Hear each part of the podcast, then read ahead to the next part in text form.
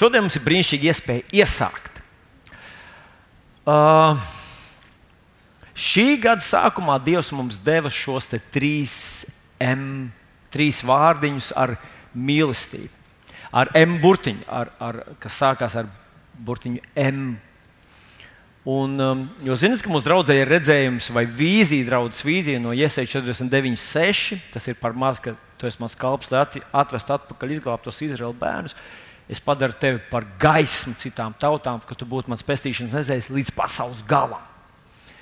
Un manuprāt, ka Dievs mums iedevis šī gada sākumā tos trīs M mīlestību, māceklību un misiju. Tas tā kā nu, viņš tos fokusēja, kā, uh, noprecizēja par trīs konkrētām jomām. Un kad tā ir tās pats draudzes vīzija, tikai ietvert jau tādās, jau gandrīz vai tādās izmērāmās uh, kategorijās, gandrīz vai tā trijos mācību priekšmetos, uh, kas ietver sevī visu to, kas mums šajā pasaulē ir jāizdara. Un tā ir mīlestība. Viss sākās ar mīlestību, ar māceklību un arī ar misiju. Dievs tevi mīl, Viņš grib, lai tu esi māceklis. Un viņš ir atstājis tevi šajā pasaulē ar konkrētu uzdevumu, konkrētu misiju.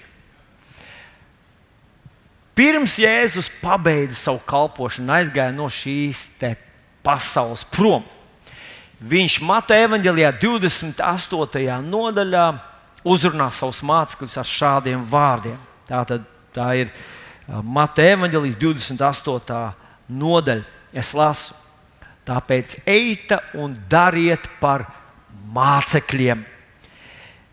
Visas tautas tās kristīdam tēva, dēla un svētā gara vārdā Nu, kādreiz mums var likties, nu, ka tas māceklis ir tā tāds, nu, tāds, nu, tā tāds, tāds skaists nosaukums, jā, māceklis, esmu māceklis. Nu, bet uh, Jēzus gandrīz vai neatstāja nekādas uh, iespējas to kaut kā vienkāršot. Tālāk viņš saka, tās mācīdam turēt visu, ko es jums esmu pavēlējis vai ko es esmu jums mācījis. Izrādās, ka Jēzus mācekļi staigāja Jēzum līdzos trīs ar pus gadus, no rīta līdz vakaram.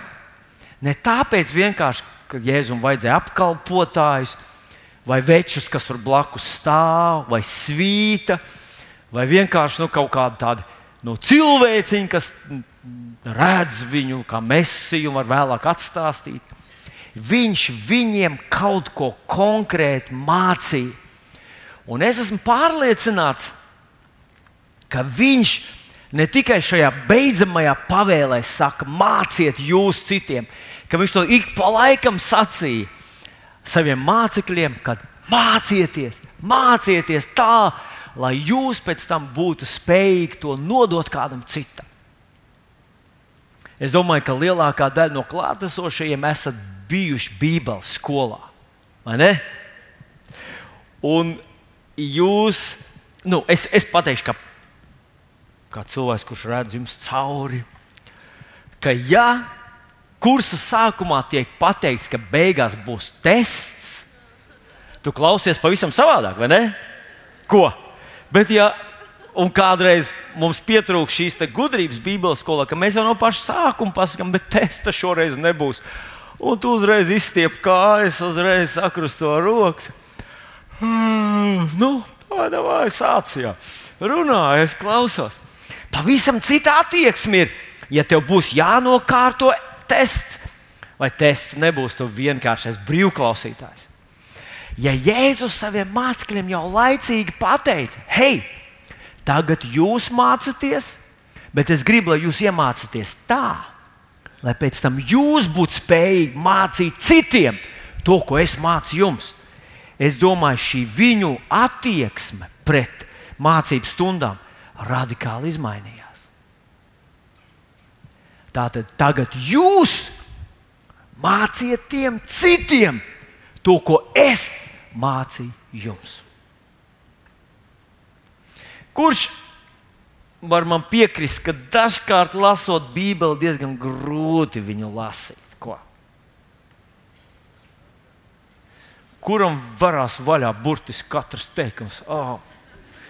Dmitrijs, jā, starp citu, reku puisis tur pacelt roku.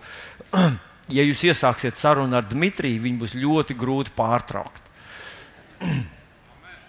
Mēs viņu iepazinām tur, tur, uh, tur jā. Bet paklausieties, draugi. Jēzus mācīja saviem mācekļiem lietas, kuras viņš gribēja, lai viņi saprot. Nevis vienkārši uzklausa, bet saprot. Paskatieties vēl vienu pantu, kas ir uzrakstīts Marka 4,34. Tur ir pateikts, ka Jēzus kaut ko sludināja, mācīja visai tautai. Un pēc tam saviem mācekļiem viņš visu vēl īpaši izskaidroja. Jūs zināt, ir grūti noklausīties mācītāju. Pareizi? Nu, Sabīna, Sabīna ļoti izteica komplimentu man, ka viņai jau pusauģis gados ir bijis vien, ļoti vienkārši un, un, un viegli sekot. Esmu viens no labākajiem sludinātājiem Latvijā. Viņa teica, ka otra tādu nav. To visu viņa teica, vai ne? Nu, bet realitātē ir tādas reizes, kad tu atnāc un Un tu domā, pats un pasak to vienā teikumā, ko tu tur tamborē. Bet iedomājieties, ja tev būtu jānoklausās dievkalpojums, un pēc tam vēl atsevišķā zālītē tev atnāk, kur tev vēlreiz visu to īpaši izskaidro. Tu varētu pazaudēt samaņu, nokrist pie zemes. Bet paklausies, ar visu to, ka Jēzus sludināja garu cilvēkiem, kādā vietiņā mēs lasām, ka viņš sludināja cilvēku, pie viņa bija trīs dienas bez ēšanas. Trīs dienas. Mēs, ja dievkalpojums ilgs ilgāk kā divas stundas, pareizi mums jau ir sēdvietas, vai ne? Mēs sēžam uz tādiem mīkstiem krēsliem. Tik ērti mums ir atzveltnes. Viņi sēdēja uz akmeņiem, smiltīs, un kur skudras līdzi. Kur, un, un Es varu iedomāties, kā tur bija. Tur bija mātes ar bērniem. Un, un mums nav tā klusiņā izēja ārā, tepat no lejā uz labierīcībām. Tu esi viens pats, neviens nezina, ko tu tur dari. Tur, kur bija 3000, 5000 cilvēku, kur jēzus pie ģenzētas ezera sludināja, tur bija cilvēks, kurš sēdēja, sēdēja, klausījās, un pēc tam, nu, kur viņš skrēja, uz kurien? Turpat kaut kur tālāk pagāja. Tur mamām nebija pamperi. Starp citu, mēs, nu, es esmu bijis uh, Izrēlā. Es nezinu, tas bija Izrēlā vai tas bija kaut kur uh, Eģiptē. Kur pie beduīnu ciltīm nu, mums aizveda. Mēs paskatījāmies reāli, kā viņi dzīvo. Tad tur bērni staigā tādos garos nu, halātos. Un to, kas nāk, tas nāk, tas turpat viss. Nu,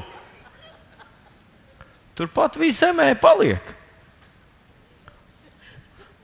Tu vari iedomāties, nu, tā nebija tāda sterila vide, kādā mēs ar tevi dzīvojam, kur Jēzus, Jēzus kalpoja.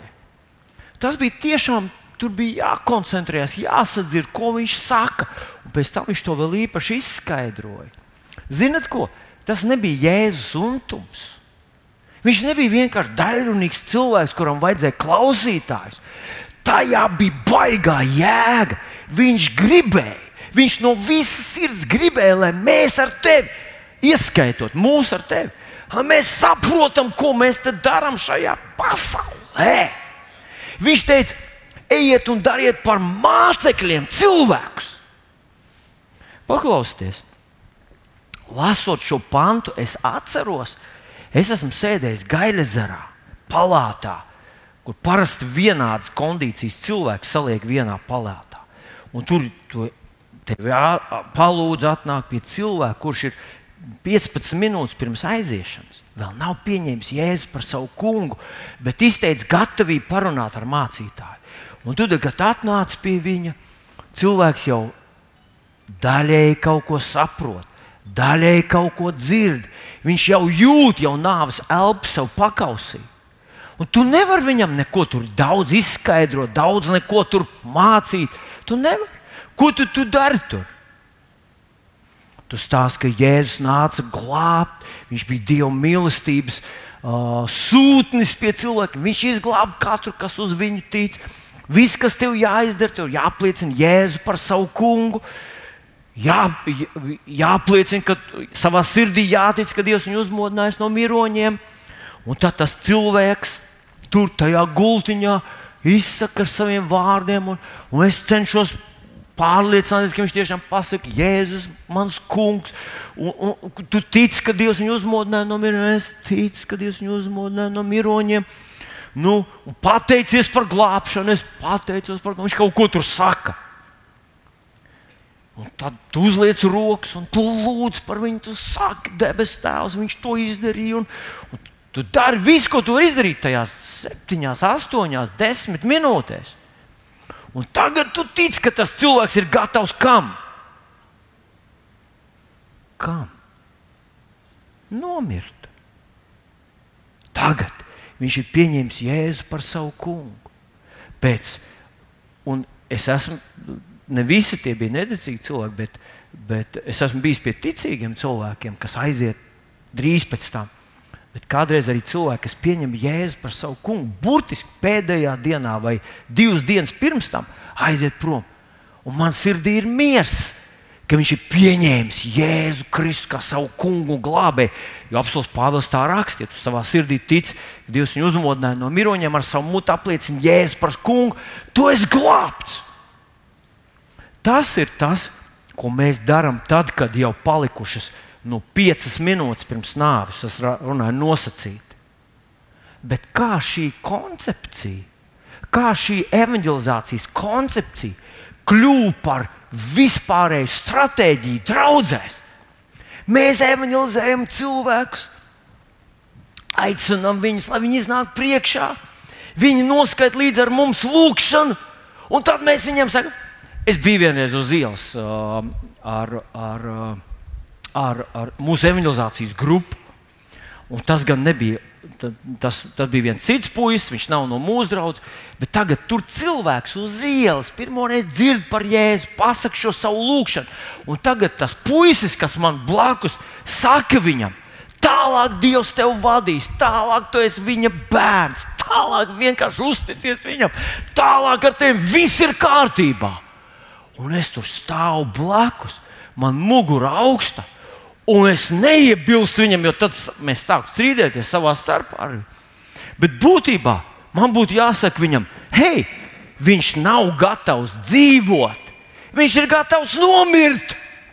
Bet problēma jau ir tā, ka viņš tagad dzīvos, un viņš neko nemāk, viņš neko nezina, viņš neko nesaprot. Un tas, kas bija uzdevums tev un man, padarīt viņu par mācekli Mēs to vienkārši vienkāršojām, ielikām mm, punktiņu savā, savā evanģelizācijas uh, tajā.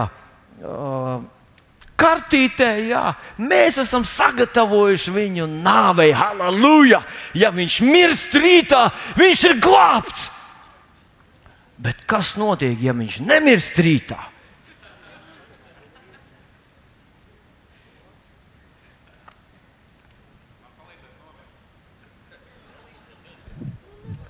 Dmitri, es negribu dzirdēt tavu balstu. Tu vienkārši vari klausīties. Labi?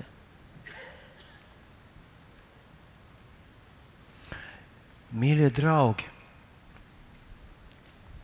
Ziemassvētku dievkalpojumā es izstāstīju to stāstu par jauno mācītāju, kas, kas uh, pieņem baznīcu, kurā ir problēmas. Un tad tas vecais dod viņam padomu, ka vajag nokristīt tās peles. Jo viņš savā dzīvē redzējis tūkstošiem cilvēku, kas nokristās un aiziet pasaulē.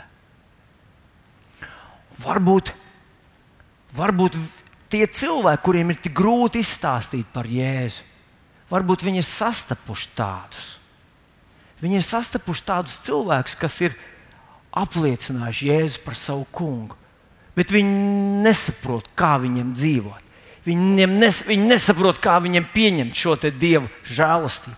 kā viņiem saņemt dziedināšanu, kā viņiem uzvarēt kārdināšanas, kā viņiem staigāt Dievu mierā, un spēkā un priekā. Viņi vienkārši ir liecība tam, ka nu, es esmu pieņēmis jēzu par savu kungu. Bet es esmu tikpat izmisks kā visi normālie pasaulīgie. Esmu tikpat grēcīgs, tikpat viegli man ir aizvainot, tikpat sarūktināts, vīlies. Es varu būt tikpat dusmīgs, un ļauns un egoistisks kā visa pasaule. Un tas ir tikai tāpēc, tikai tāpēc, ka mums šī koncepcija par to, ka evanģelizācija ir, kad kāds noskaita lūgšanu, un ar to ir lieta darīt. Man šķiet, ka mums gandrīz vai vajadzīga jauna reformācija, lai mēs iezīstu to pašu, lai cilvēks, kurš ar mums runā un mēs stāstām viņam par Kristu, mēs viņam no sākuma jau paskaidrot, hei, tā nav burbuļu formula, kuru tu izsaki. Tas nav kaut kas, ko tu izteiksi, kaut kāds konkrēts vārds, un tad dzīvos tā kā līdz šim.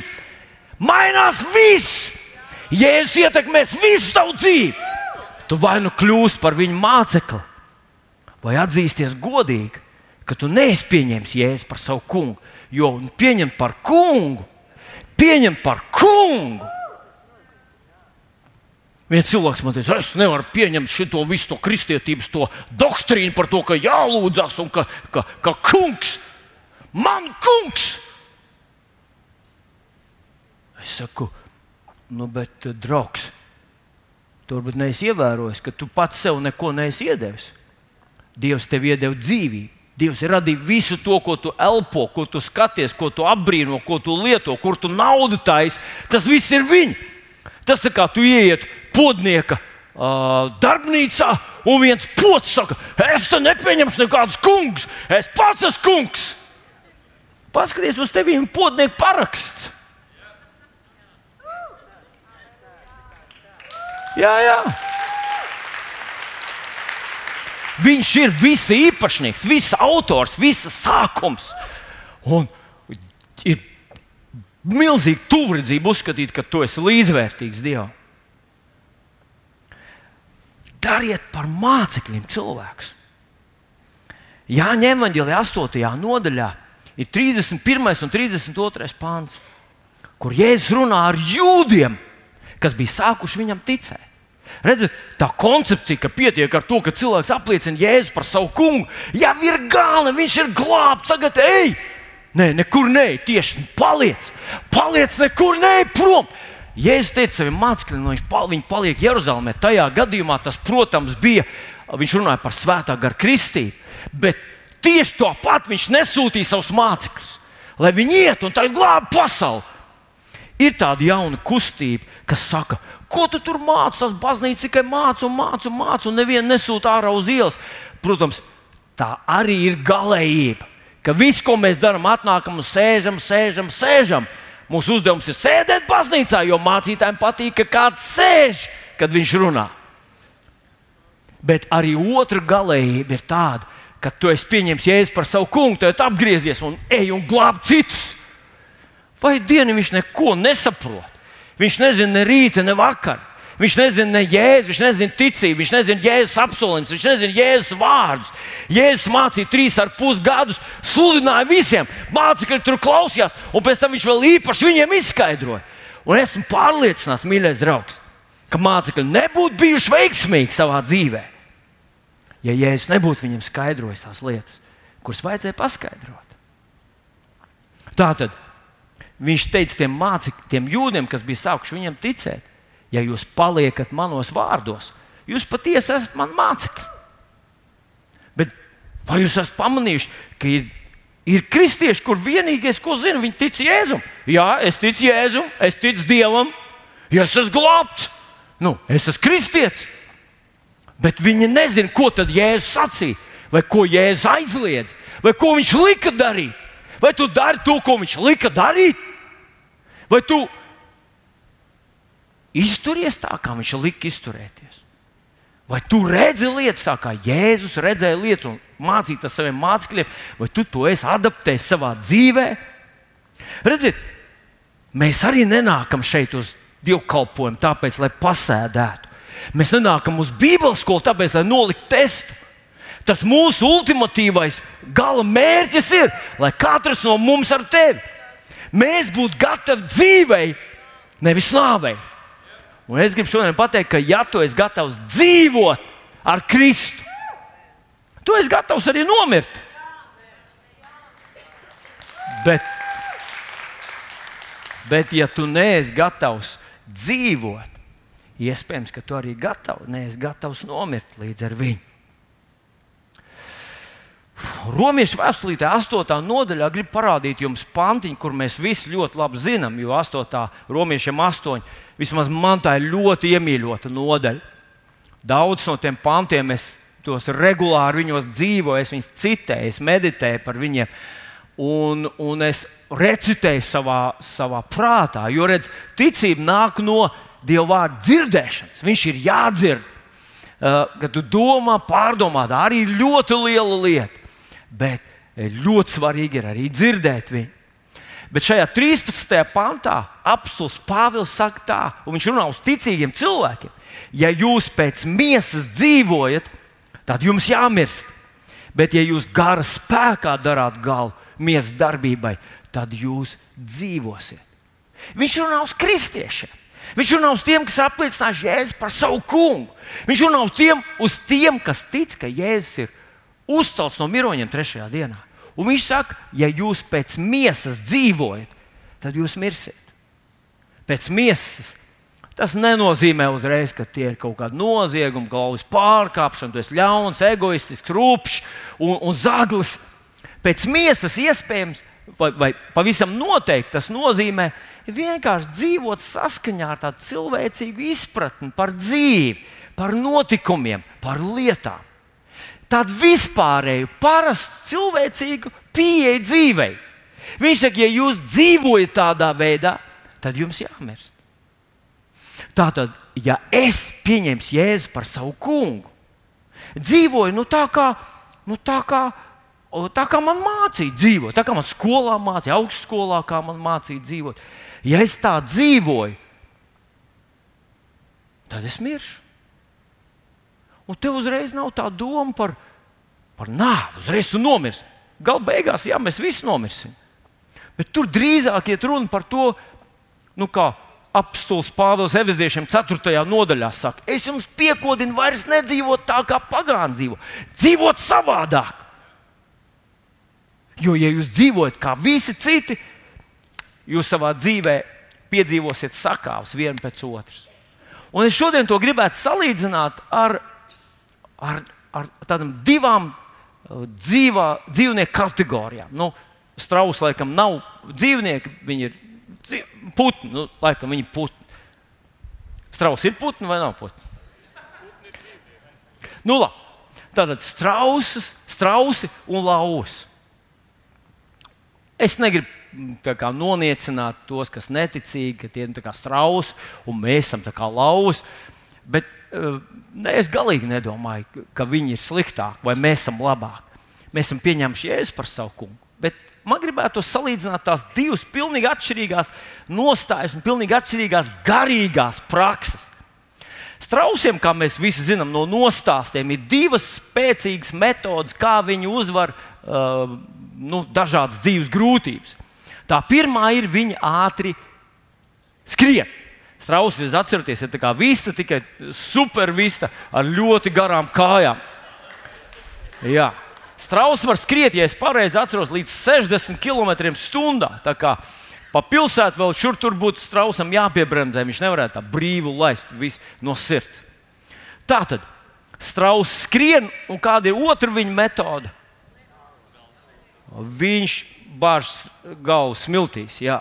Tātad, tad, kad grūtības jau pavisam liels, nevar izvairīties no tām, viņš paslēp galvu un domā, neviens mani neredz. Nu, vismaz tā runā, protams, ka tā īstenībā tā nesot. Nu, lauvas, atšķirībā no strausa, nekad neatkāpjas. Lauvas, ja jūs ievērojat, kādreiz pavērojuši, lauvas pārgrupējās. Lauvas atkāpjas, pat ja bifels satrakots, bifels tur metās ragus, purinādams, metās virsū. Lauvas paiet nos mazliet, bet viņas redz tajā bifilī, tajā ļoti spēcīgajā, agresīvajā dzīvniekā, viņas redz upuri un lauvas uzbrūk. Un es gribētu teikt, ka garīgi neticīgs cilvēks var no grūtībām tikai bēgt vai izlikties, ka viņu nav. Viņam nav ieroči, ar ko cīnīties garīgās lietās. Un redz, ja mēs kādreiz bijām strauji un garīgi, mēs bijām bez dieva, bez derības, bez apsolījumiem, bez kalpošanas, bez, bez, uh, bez, bez mesijas, mēs bijām nu, pilnīgi garīgi nespējīgi. Tagad mēs esam pieņēmuši Dievu, mums ir derība ar viņu, mums ir apsolījumi, mums ir kalpošana, mums ir autoritāte, mums ir vara. Tie likumi pilnīgi mainās. Bet, ja mēs dzīvojam pēc vecās sistēmas, mēs savā dzīvē piedzīvosim sakāves vienu pēc otras. Un, lai gan mūsu prāts mums teiks, ka mēs cenšamies darīt maksimāli labo un gudro, mēs saprotam, ka pirms šīm materiālām un fiziskām lietām ir lietas, kuras ir garīgas, tās ir primārās. Un, ja garīgajās lietās mēs esam zaudējuši, tas parādīsies mūsu fiziskajā dzīvē. Un, ja mēs nelietojam savu garīgo varu, nelietojam savu garīgo autoritāti. Es mēģināšu vēlreiz atkārtot to rakstvietiņu, ko apelsīns Pāvils raksta. Eviziešiem 4, 17, 18. Tas pāns man uzrunāja vienu reizi, nu, tā kā pienagloja, un sapratu, ka Dievs man kaut ko cenšas pateikt. Eviziešiem 4, 17, 18. Viņš saka, tā, tad nu es jums piekodinu. Tas kungs, mans liecinieks, vairs nedzīvot tā kā agrāk dzīvojāt. Vairs nedzīvo tā, kā pagāni dzīvo. Un tad viņš saka, tā, savas sirds prāta tukšībā, savas nezināšanas dēļ un sirds apcietinātības dēļ. Un paklausies, ko viņš tālāk saka. Aptumšojušies savā sapratnē un atsvešinājušies dzīvībai, kas no Dieva. Tas pants man uzrunāja tik stipri, tāpēc īpaši ar šo pēdējo vārdu atsvešinājušies, ka, kas King James Bībelītē lietots vārds alienated Tas ir kā alien ir citplanētietis. E, nu, kad, kad mēs sakām, un tad viņš saka, ka viņi ir citplanētieši tai dzīvībai, kas no Dieva. Un Pāvils saka, vairs nedzīvojiet tā. Vairs nedzīvojiet tā, kā jūs agrāk dzīvojat. Kā mēs agrāk dzīvojām? Mums bija trīs padomdevēji, ņūks, čūs un poņa. Mums bija savs čūs, ņūks Un tagad mēs esam pieņēmuši Jēzu par savu kungu, un mēs cenšamies lietot tos vecos stereotipus, vecos piemērus, vecos argumentus. Viņi nestrādā.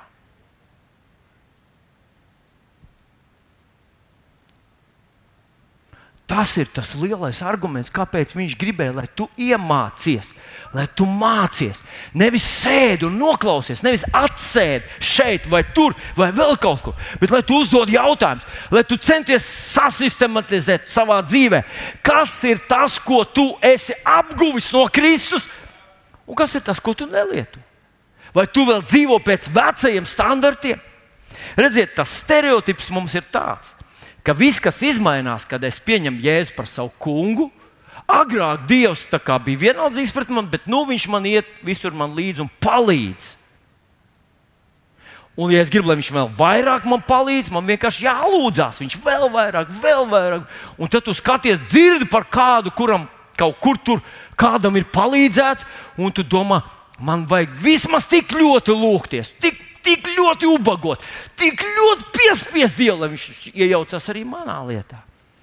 Bet jaunajā derībā tā koncepcija ir pilnīgi atšķirīga. Pilnīgi atšķirīga. Jāņem evanģēlijas pirmajā nodaļā viņš saka, viņš deva vāru tiem, kas viņu pieņēma. Viņš deva vāru viņiem kļūt par Dieva bērniem. Par Jēzu mēs lasām, ka viņš gāja pa šo pasauli, dziedinādams vēlnu nomāktos un labu darīdams, un tā tālāk teikt, jo Dievs bija ar viņu. Dievs bija ar viņu, un tāpēc viņš varēja darīt to, ko neviens cits nevarēja darīt.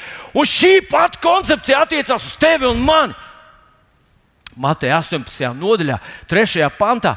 Jēzus saka šos vārdus: Ja jūs neatgriežaties un netopat kā bērni, jūs nenāksiet debesu valstībā. Mācekļi iesāk ar jautājumu, kas ir lielākais debesu valstībā?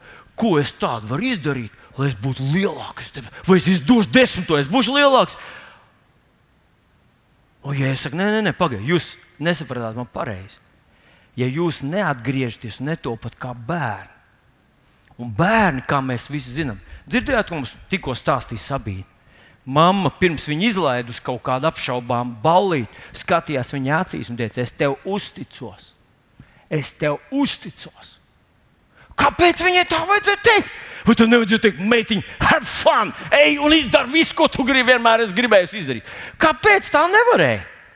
Tāpēc, ka tas ir tavs bērns. Tāpēc, ka tas ir tavs pienākums viņam parādīt pareizo ceļu. Tu gribi, lai viņš dzīvē sasniedz maksimālo. Un tāpēc tu gribi, lai bērns mācās no tevis, un tu centies nodot to viņam. Tieši tāpat Dievs negla nepalaiž mums šajā pasaulē un saka, ejiet, kā es mēģināšu jūs to visu, ko savārīsiet, visu mēģināšu labot. Viņš saka, ej un dzīvo tā, kā es tev mācīju, jo es esmu ar tevi. Mīļais draugs, ja tu man jautā, kas ir svarīgāk, izprast dievu principus vai pabeigt vidusskolu, es zinu, tas izklausītos šausmīgi, ja tūlīt pateiktu, ka svarīgāk ir saprast dievu principus. Es zinu, ka varbūt man nomētāt visus tādiem izglītības akmeņiem un saukties, redziet, redziet, re, kur vēl viens sekta. Bet zinat ko? Tik daudz cilvēku ir pabeiguši vidusskolas, un pabeiguši augstskolas, un pabeiguši vēl visas tādas, nezinu, kādas skolas, dzīvē ir nelaimīgi, salauzti, izmisuši, dara to, ko ienīst, dara to tikai naudas dēļ. Un tev tādam nav jābūt. Tāpēc viņš ir ielicis savus principus, viņš ir ielicis savus, savus, savu sirdi, un mācekļi darīja visu labāko, ko vien varēja, lai to nodot tālāk. Tikai kā kādā vietā Hozeja raksta, man tautiet bojā atziņas trūkuma dēļ un negrib mācīties. Paklausies, uzdošot ķecerīgu jautājumu. Ja pie mums atbrauktu kāds dieva kalps un dievkalpojums tiktu nolikts piekdienā, vai tu atnāktu? Nu, jā. Ja no apustulis Pēters būs, Nē, Pāvils apustulis būs. Nu, es nezinu, piekdienas vakarā es parasti eju uz treniņu zāli, man presīt vajag. Nu, vai, vai tu strādā pie kādas citas muskuļu grupas? Ja? Paklausties, prieka vēsts. Mēs esam unikāli, fantastiski draugi. Bet, ja mums svētdien būs divi dievkalpojumi, tu būsi tikai no rīta. Pareizi? Pareizi. Jā, jā bet kā tā lai atpūšos? Ziniet, kāpēc tas tā ir? Iespējams, ka tāpēc, ka mēs nu, neko tādu lielu negaidām no Dieva tiem principiem. Mēs domājam, ka tie attiecās uz viņu pasauli, bet mums vēl šeit ir jādzīvo.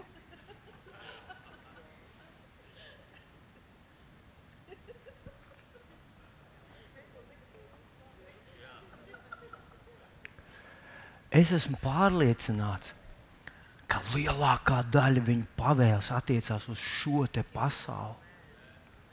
Ja nemaldos, tas bija galotiešiem 1,4, kur viņš saka, ka Jēzus sevi pašu ir nodevis par mums, lai mūs izglābtu no šīs tagadējās ļaunās pasaules, no šīs brūkošās pasaules, no slimībām, kas staigā pa ielām, no diagnozēm, no, no vis visādām lietām sērgām, no visādiem uzbrukumiem, no visādām viltus lietām, no kurām Dievs varētu tevi pasargāt.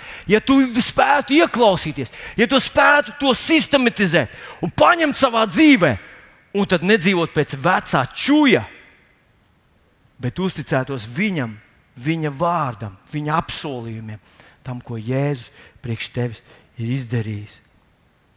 Jēzus mums to dāvināja caur apstulu Pāvila, kur viņš sacīja, Dievs mums nav devis bailības garu, bet spēka, mīlestības un savaldības garu. Es, protams, nevaru teikt, ka tas, ka tas esi tu, bet tur kaut kur tie citi. Viņi apstājas pie tā, nu, jā, mēs jau nedrīkstam baidīties. Es jau zinu, mācītāji, ka nedrīkst baidīties. Man ir jātic. Es esmu dzirdējis, ap citu šo stāstu diezgan bieži. Tu aizej pie kāda cilvēka, viņš saka, nu, tur Es saku, vai tu tici? Jā, es ticu, es zinu, es nedrīkstu baidīties, bet es tagad nebaidos, bet es tagad nebaidos vairāk. Es to nebaidīšos, es baidos, bet es nezinu, ko lai dara. Jā, man ir bailes. Un mēs apstājamies pie tā, ka Dievs nav mums devis bailības garu. Bet tas ir tikai tas, kas tev nav dots, lai tu zini, ka bailes nekad nav no Dieva. Kādas arī, kādas arī nebūtu situācija, kāda arī nebūtu situācija. Un es te kaut kad rādīju, ka te ir gars un te ir miesa. Miesa vienmēr reaģē.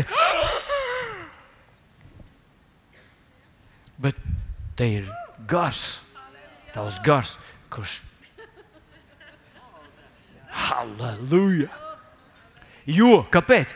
Dievs mums devis spēku, spēku, mīlestības un savaldības. Redz, tas runā par lauvām.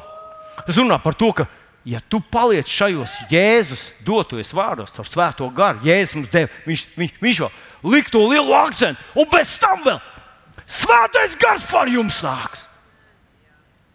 Spēka gars, spēka gars spēka, mīlestības un disciplīnas gars. Vai es nevaru tikt galā ar cukuru? Nekādīgi es nevaru tikt galā. Kungs, izglāb man no cukura.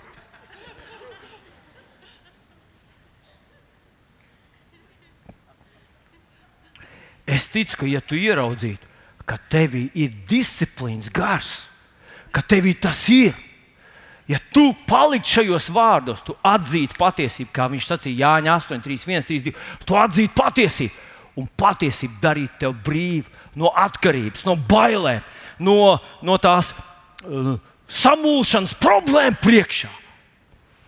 Parādīšu nākošo rakstu vietiņu, kas, kas, uh, kas ir fantastiski. Paskatieties, bet kad nāks viņš, patiesības gars, tas jūs vadīs visā patiesībā. Viņš nerunās no sevis paša, bet runās to, ko dzirdēs, un darīs zināmas nākamās lietas tas mani cels godā. Tur turpinās tas teksts. Tas mani cels godā, jo viņš ņems no tā, kas ir mans, un jums to darīs zinām. Wow! Zini ko? Paklausies, svētais gars darīs zināmas nākamās lietas. Es biju kādā kristīgā uzņēmēja nu, sarunā. Un vienīgais, ko es dzirdēju, tie uzņēmēji stāstīja, nu, tā kā, tā kā indeks, visādi indeksi rāda, šito indeksu rāda, to un indeks ir šitādi situācija ir nopietna.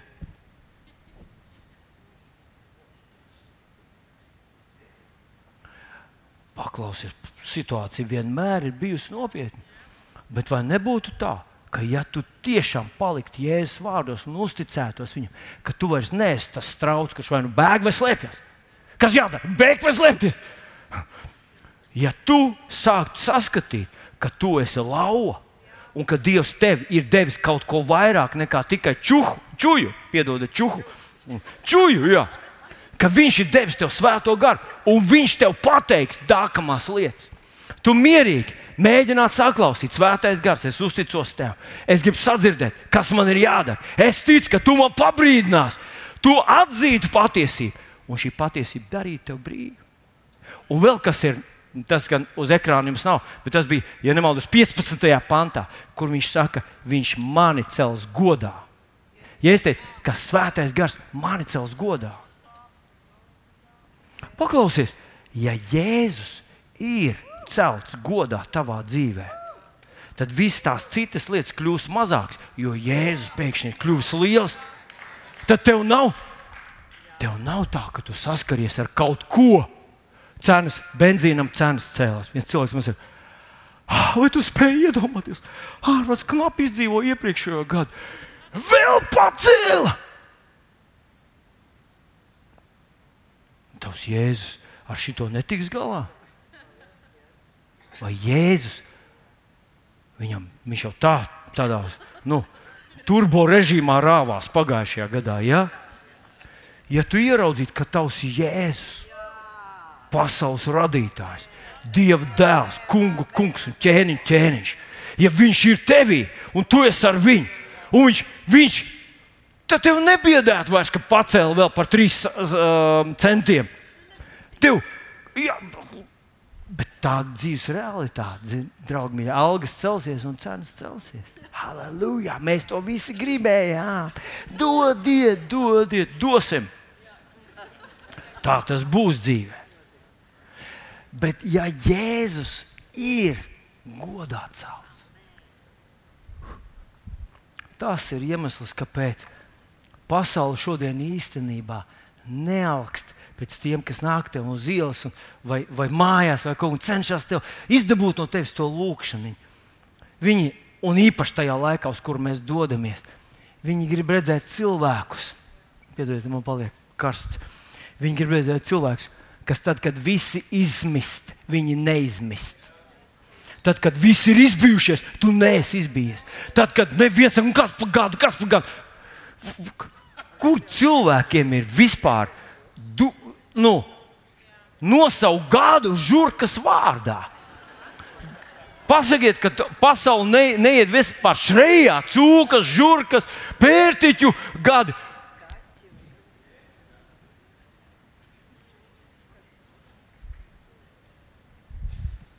Bet tu saki, nē, šis ir Dieva svētības gads. Dievs ir ar mani, Dievs man palīdz.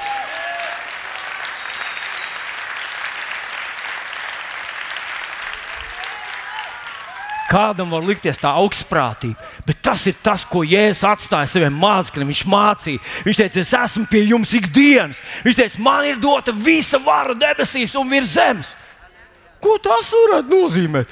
Ka viņš ir lielākais. Nav nekas, kas var līdzināties viņam.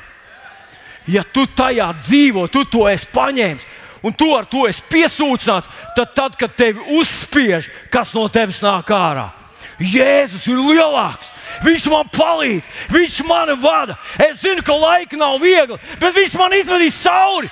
Es gribu pateikt, ja tu savā sirdī tici tam, un tu to nesaki, tad nemāni kādu, ka tu tici tam. Tu zini, savā laikā es biju pārliecināts, ka Līga ir tā meitene, kas manī jāprec.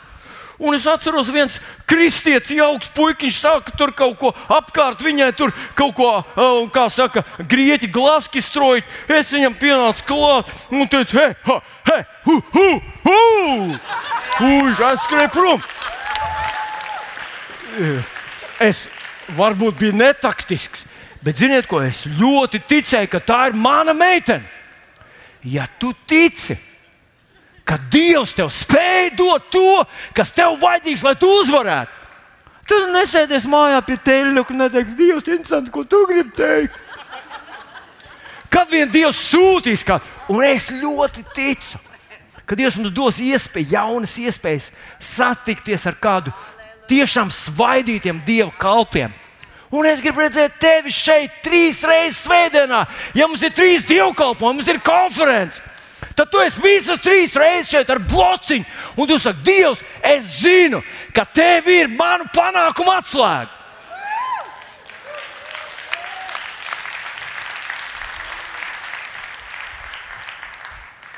Tā kā mīļais draugs, es šodien gribu tev uzdot jautājumu cik māceklis tu esi. Vai tu vispār esi māceklis? Tu konkrēti, tu. Vai viss, kas tev ir, visa tava lielā vērtība ir tā, ka tu esi noskaitījis to lūkšanu, un pārējais viss tādā, tādā lielā ķīselī. Tu varbūt nāc vecākiem vienkārši līdzi, sēdi šeit, atsēdi, nožāvājies, nogaidi beigas, un tad ej kā paklausīgs dēls līdz saviem vecākiem.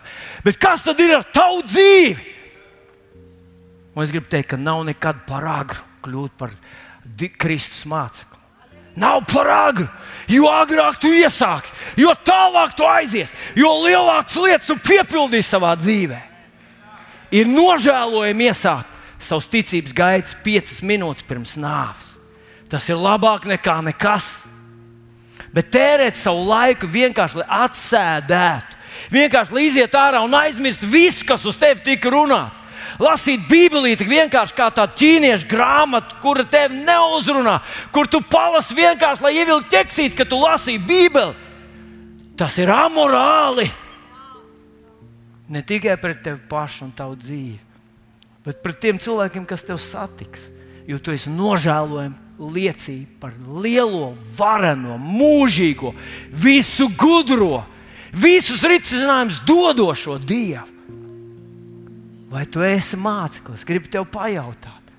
Ja tu neesi māceklis, tu varbūt esi gatavs aiziet uz mūžībā, uz debesīm, bet tu neesi gatavs tiem izaicinājumiem, kas šajā gadā tavā dzīvē būs.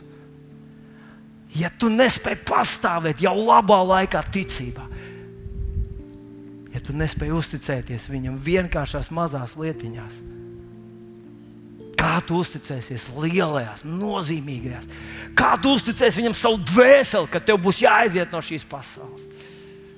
Kā tu varēsi dzīvot ar mieru sirdī, kad apkārt plosīsies vētra? Tev jākļūst par mācekli. Jēzus vārdā.